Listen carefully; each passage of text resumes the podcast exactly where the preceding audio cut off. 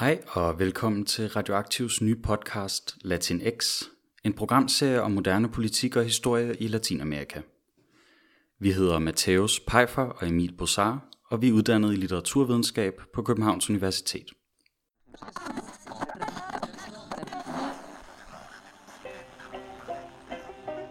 Du lytter til Radioaktiv, hele Venstrefløjens podcastkanal. Vi bringer de nyeste nyheder fra klassekampen, dybtegående interviews, nørdede analyser og knivskarpe debatter. Hvis du kan lide, hvad du hører, så husk at følge os på SoundCloud eller din podcast-app, og du kan også smide et like på vores Facebook-side. Så læn dig tilbage, knap bukserne op og nyd en varm kop Rød Radio.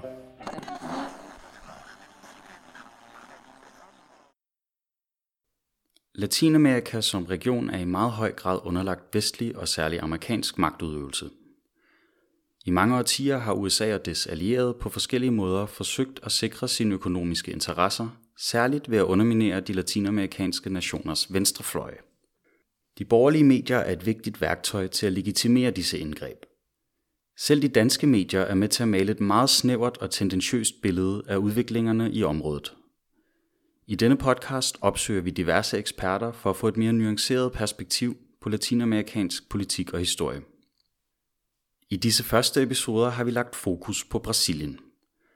I 2019 valgte landet en ny præsident, Jair Messias Bolsonaro. Det markerede et voldsomt skift fra den politiske bane, landet ellers havde været på i et årti. Vi har undersøgt, hvordan det er kommet så vidt. Hvordan er Brasilien gået fra at have en arbejderregering til at vælge en højere ekstremistisk præsident på ganske få år? Brasiliens moderne politiske tidslinje er relativt kort – Landet blev styret af et militærdiktatur fra 1964 til 1985, hvorefter det gennemgik en proces med gendemokratisering. I vores program zoomer vi endnu længere ind. Vi skal snakke om historien, der startede i 2002, hvor Arbejderpartiet vandt regeringsmagten og frem til i dag. Fagforeningsmanden Luis Inácio da Silva, Lula i folkemunden, blev valgt som præsident i to perioder, hvorefter hans efterfølger Dilma Rousseff overtog i 2010. Midt i sin anden periode i 2016 blev hun afsat under en rigsretssag, hvor hun blev anklaget for korruption.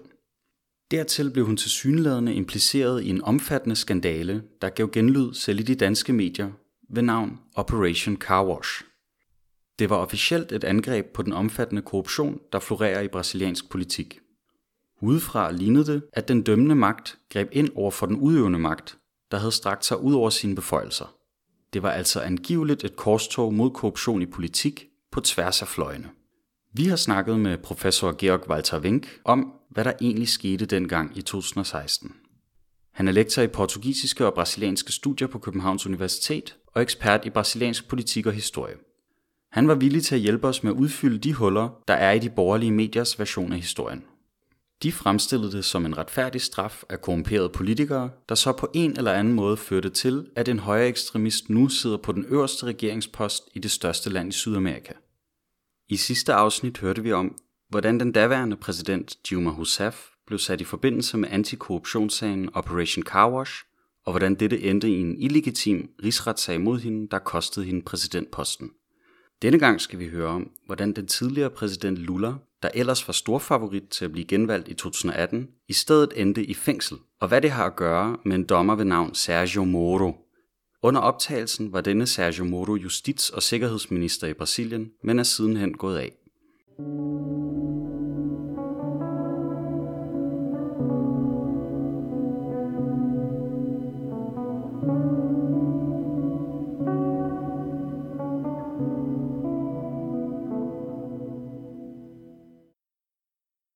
We'll be moving on to Lula, uh, who of course got imprisoned after Dilma's impeachment. And I guess maybe you could start with just the background for that imprisonment, what happened there. Actually, you can't separate the Lula trial from the impeachment. These are parallel processes. So, the first time Lula got indicted, he was investigated for a long time. Actually, parts of the judiciary started to investigate him as soon as he took office. So, it's a really long story. He has been under investigation for, at that moment of the impeachment in 2016, for 13 years, right? so, all the PT governments. When the impeachment process started in October 15, Operation Car Wash, which in principle did not have anything to do with the impeachment process because these are two completely separate juridical procedures, Lula got included in the investigations of Operation Car Wash and something quite extraordinary happened. I think that was in, in the spring uh, 16, uh, shortly before Dilma Rousseff was taken out of office, preliminarily after the first uh, votation of the impeachment. And at that moment, Lula was for the first time investigated, not only investigated, but interrogated in a very specific way and that's what in Portuguese is called coercive conduction. That means he had responded to the investigating prosecutors for many times, orally, written, even in person. But at that specific day, the police showed up at his apartment very early in the morning. I think it was before six o'clock in the morning. And he was brought with ostensive police force to a room in the Congonhas airport in Sao Paulo and answered the same question he already has he got upset because of that, right? Because there was no real need to conduce him that way. Why am I telling you that? Because this is a very important symptom. It's about the dramatization of the Lava Jato investigations. So that was, of course, covered by the media. The media actually knew well before. They had the helicopter already in place, right, to cover this event. And the concerns his lawyers had, above all, but also law scholars, was that there was no need to conduce him that way because they could just have sent him an invitation, like many times before. He would have shown up at the delegacy of the police and answered once again the questions. So, why all that spectacle? And that spectacle was already answering, in a way, to his comeback as a politician because when he left office in 2010, he really became a private person. He had to submit himself to a cancer treatment, and then he traveled the world giving lectures about his administration. But uh, nobody expected him to come back. He came actually back because of the pressure against the government, against his elected successor, Dilma Rousseff. She was kind of the substitute of him in a way. And this already shows that um, at this very early moment, uh, parts of the judiciary invested a lot in discrediting him as a public person. Then, shortly after, another uh, extraordinary thing happened. And what that was the leak of uh, phone interceptions. So the same federal judge we talked about, Sergio Moro, a federal judge in, in Curitiba, he's not the general attorney. He's one out of 2,000 federal judges in Brazil, so not that outstanding that that he is believed to be. He leaked these phone interceptions, a conversation between Lula and Dilma Rousseff, talking about his nomination as uh, chief of staff, which was considered at a certain moment. Lula always has been very reluctant to that because he really didn't want to take part in the government again. But at a certain point, he seemed to be persuaded to do that. This was perceived by those who were orchestrating the impeachment as a danger to the success of impeachment because Lula has all what Dilma misses in terms of negotiation power. There's a saying in Brazil that uh, every day uh, Dilma Rousseff she made a new enemy, and every day Lula he makes a new friend. That's one of these incredible skills of Lula as a political animal, right? To talk to everybody, to somehow bring everybody on board in a way to make participating and so on, even the opposition, right? Did and he still at that point enjoy uh, some popularity in the general population as well? He did, yeah. yes, he did. Even though uh, nobody really expected him to get back into politics, right? I think people understood that he would help out as chief of staff, but not to be a candidate for presidency. Well, um, these phone conversations, which were actually about when he uh, agreed in uh, being nominated uh, chief of staff, they talked about how, how to organize that practically because he has to sign a term and so on. And in the opinion of the investigating judge, they somehow planned that if he were arrested at that moment, he, he should have ready the certificate of his nomination because the certificate gives him immunity. This is not completely out of reality because at that time, nobody, after the coercive conduction I mentioned before, it wasn't like out of the possibilities that he suddenly could be arrested because the persecution forces already showed that they are quite flexible in the interpretation of the laws. But anyway, by leaking this phone call, which by the way was completely illegal because in no democracy you can just uh, leak a conversation with the president of the republic. But anyway, this gave the understanding that Lula, together with uh, Rousseff, that he will only be nominated in order to protect him against investigation. And that was terrible because then suddenly people remembered that many, many years ago, Lula, he did a saying, and everybody memorized that saying that a thief, when caught, he goes to prison. A rich person, when caught, turns into a minister, right? And that that actually applied to his case in, in that reading the, the judiciary did. So, after all, he was prohibited by the Federal Supreme Court to, uh, to be nominated. And I think that uh, was probably the moment the Workers' Party and especially Lula realized how decided the leaders of the impeachment actually were to change the government. And at, more or less at that moment, he must have decided to run again as a candidate for presidency. So that's the the story before that. So, if we look today at the impeachment process, we can understand much better what actually happened. Because when all that process was ongoing, there were so many unknown variables. It was difficult to, to really understand what was happening. And of course, people suspected a lot, but nobody could give certainty about that. So now we have that privileged position to look back at all what happened. And surprisingly, it actually makes sense what happens. There is a coherence in what happened. So, summarizing the main important points, the impeachment was done in order to substitute the government, the executive, and to align the new executive with the political program by the Congress, by the legislative. So you had a quite conservative Congress on one side, and then, unfortunately, you could say, in the eyes of the Congress, Dilma Rousseff was elected as somebody who was actually opposed to that macroeconomic program. Now, with the uh, impeachment succeeded and uh, consumed, it would of course not make sense just to use uh, the two and a half years to implement that program and at the next elections run the risk to hand back power, not for the Congress, because the Congress has always been conservative in Brazil, but to a, a executive, to a government of the Workers' Party. So that would have been like back to zero. The same problem again, right? So it was extremely necessary to prevent the Workers' Party from having any chance to get a candidate elected again in the 2018 elections.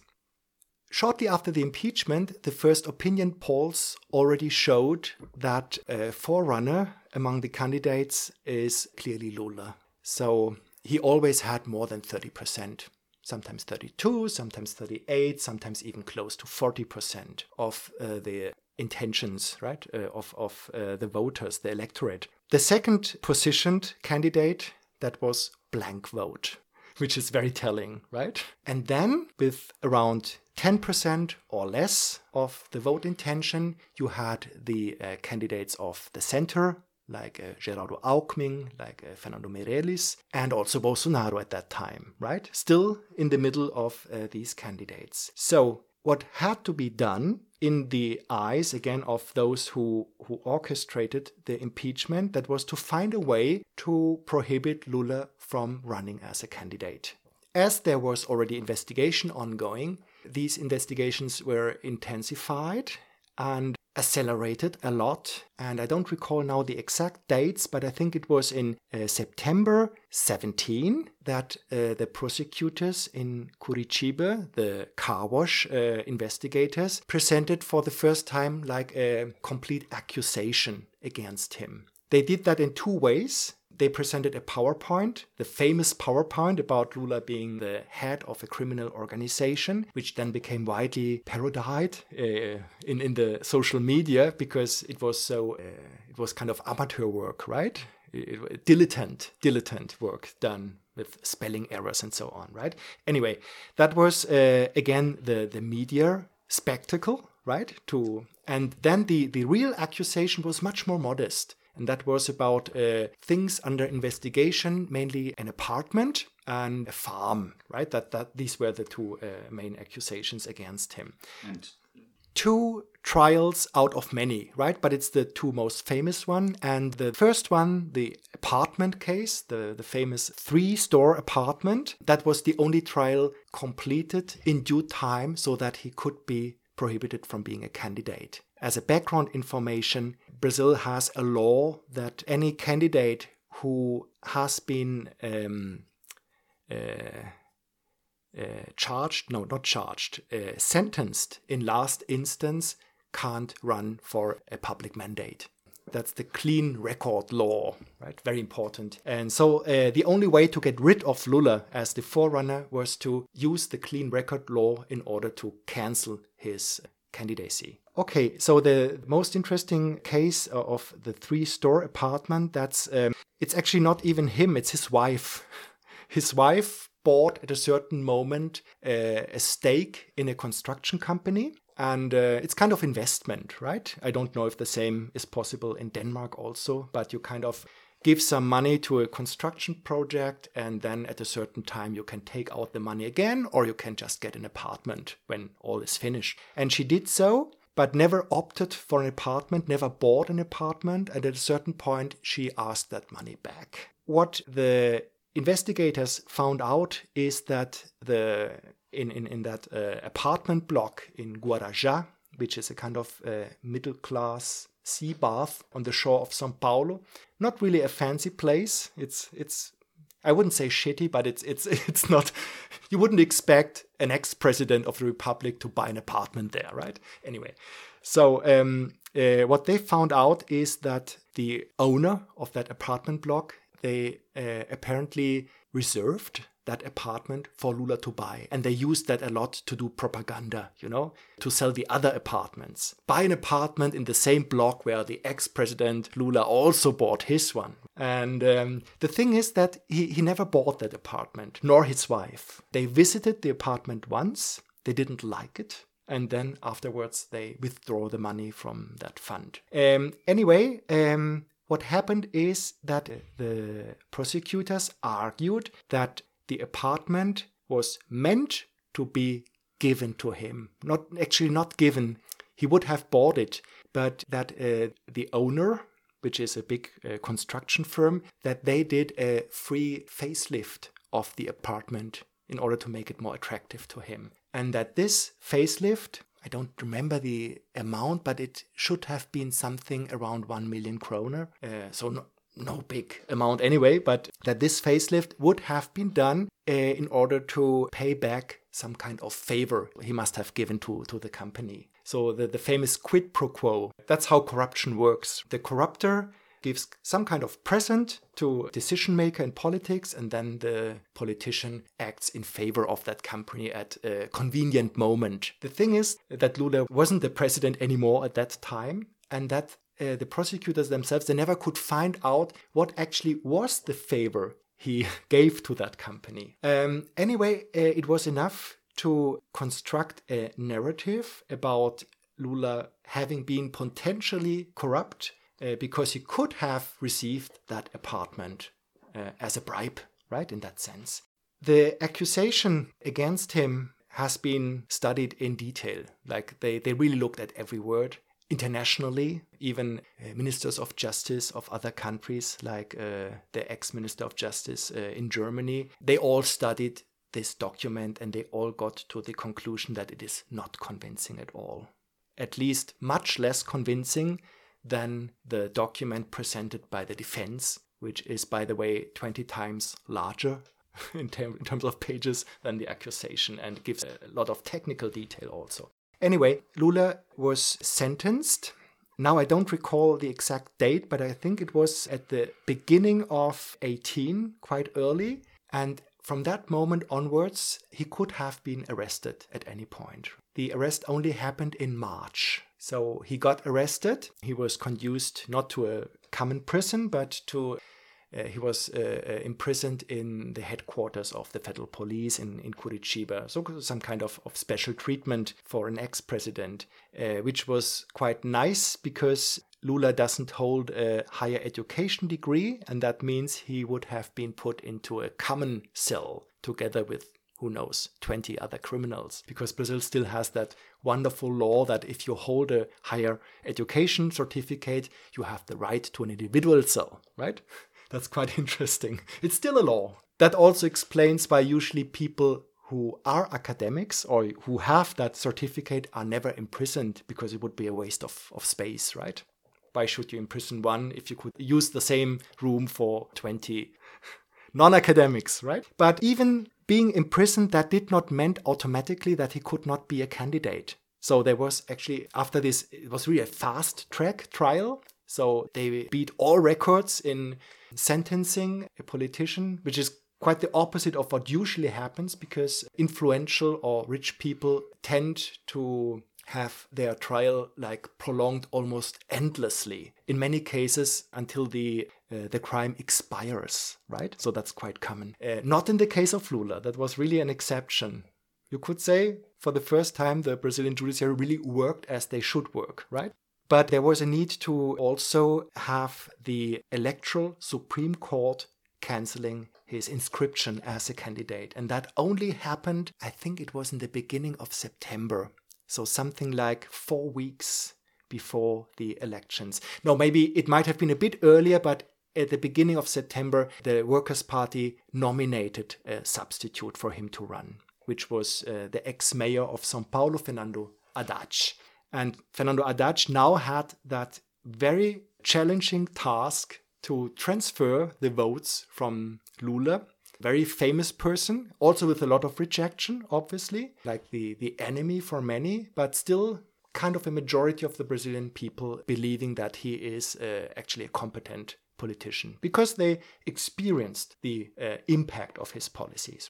Fernando Haddad, he made a very engaged campaign, a bit banal also because uh, they had to really put the message into the heads of the people that Haddad is now Lula. That was kind of uh, what they repeated over and over again. You can't vote for Lula, so vote for Haddad. It's the same, right? It was actually hard to find a candidate because, uh, like it always happens when you have a really uh, brilliant leader of a party, it's difficult for somebody in the shadow of that leader to really uh, get a profile. So I think they opted for Haddad because of his very sober proposals with regard to uh, economics. So he was probably the candidate, much less than somebody from the unions, for example, the, the most acceptable candidate for the ruling economic class, like for the corporations, because he kind of was a guarantee that there will be no radical course.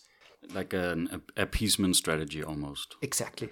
And also, you know how much uh, Lula always suffered from being a lower class person. So, in a way, uh, presenting Haddad, even though being kind of left wing politician, not very much left wing, I would say much more meta than Marx, but uh, at least an academic, a white male academic from the establishment, you could say. So to avoid that the political adversary could again like use the arguments of not being qualified and like they did several times with Lula because of the social background, right? So he was kind of a safe option in a way. And surprisingly, he he won quite a lot of votes, right? So there was even a second turn between the two candidates which got the highest number of votes. So Bolsonaro, of course, in the first place at that moment, and Fernando Haddad. But no doubt about it, Bolsonaro, he, he won. It seems like the case against Lula wasn't that strong. How come the judiciary ended up sentencing him? There was actually very weak evidence. And I, I think nobody really defends that the, the contrary. So everybody somehow agrees that evidence was quite weak. Even though all the trial was done in a way within the rules. They never broke the rules. They just flexibilized the rules a little bit. And then they, well, actually, what, what made it possible for Lula to be sentenced in record time, uh, and that was really the most important thing, that was to give the responsibility of his trial to a specific judge, which is Sergio Moro, which had to be constructed, right?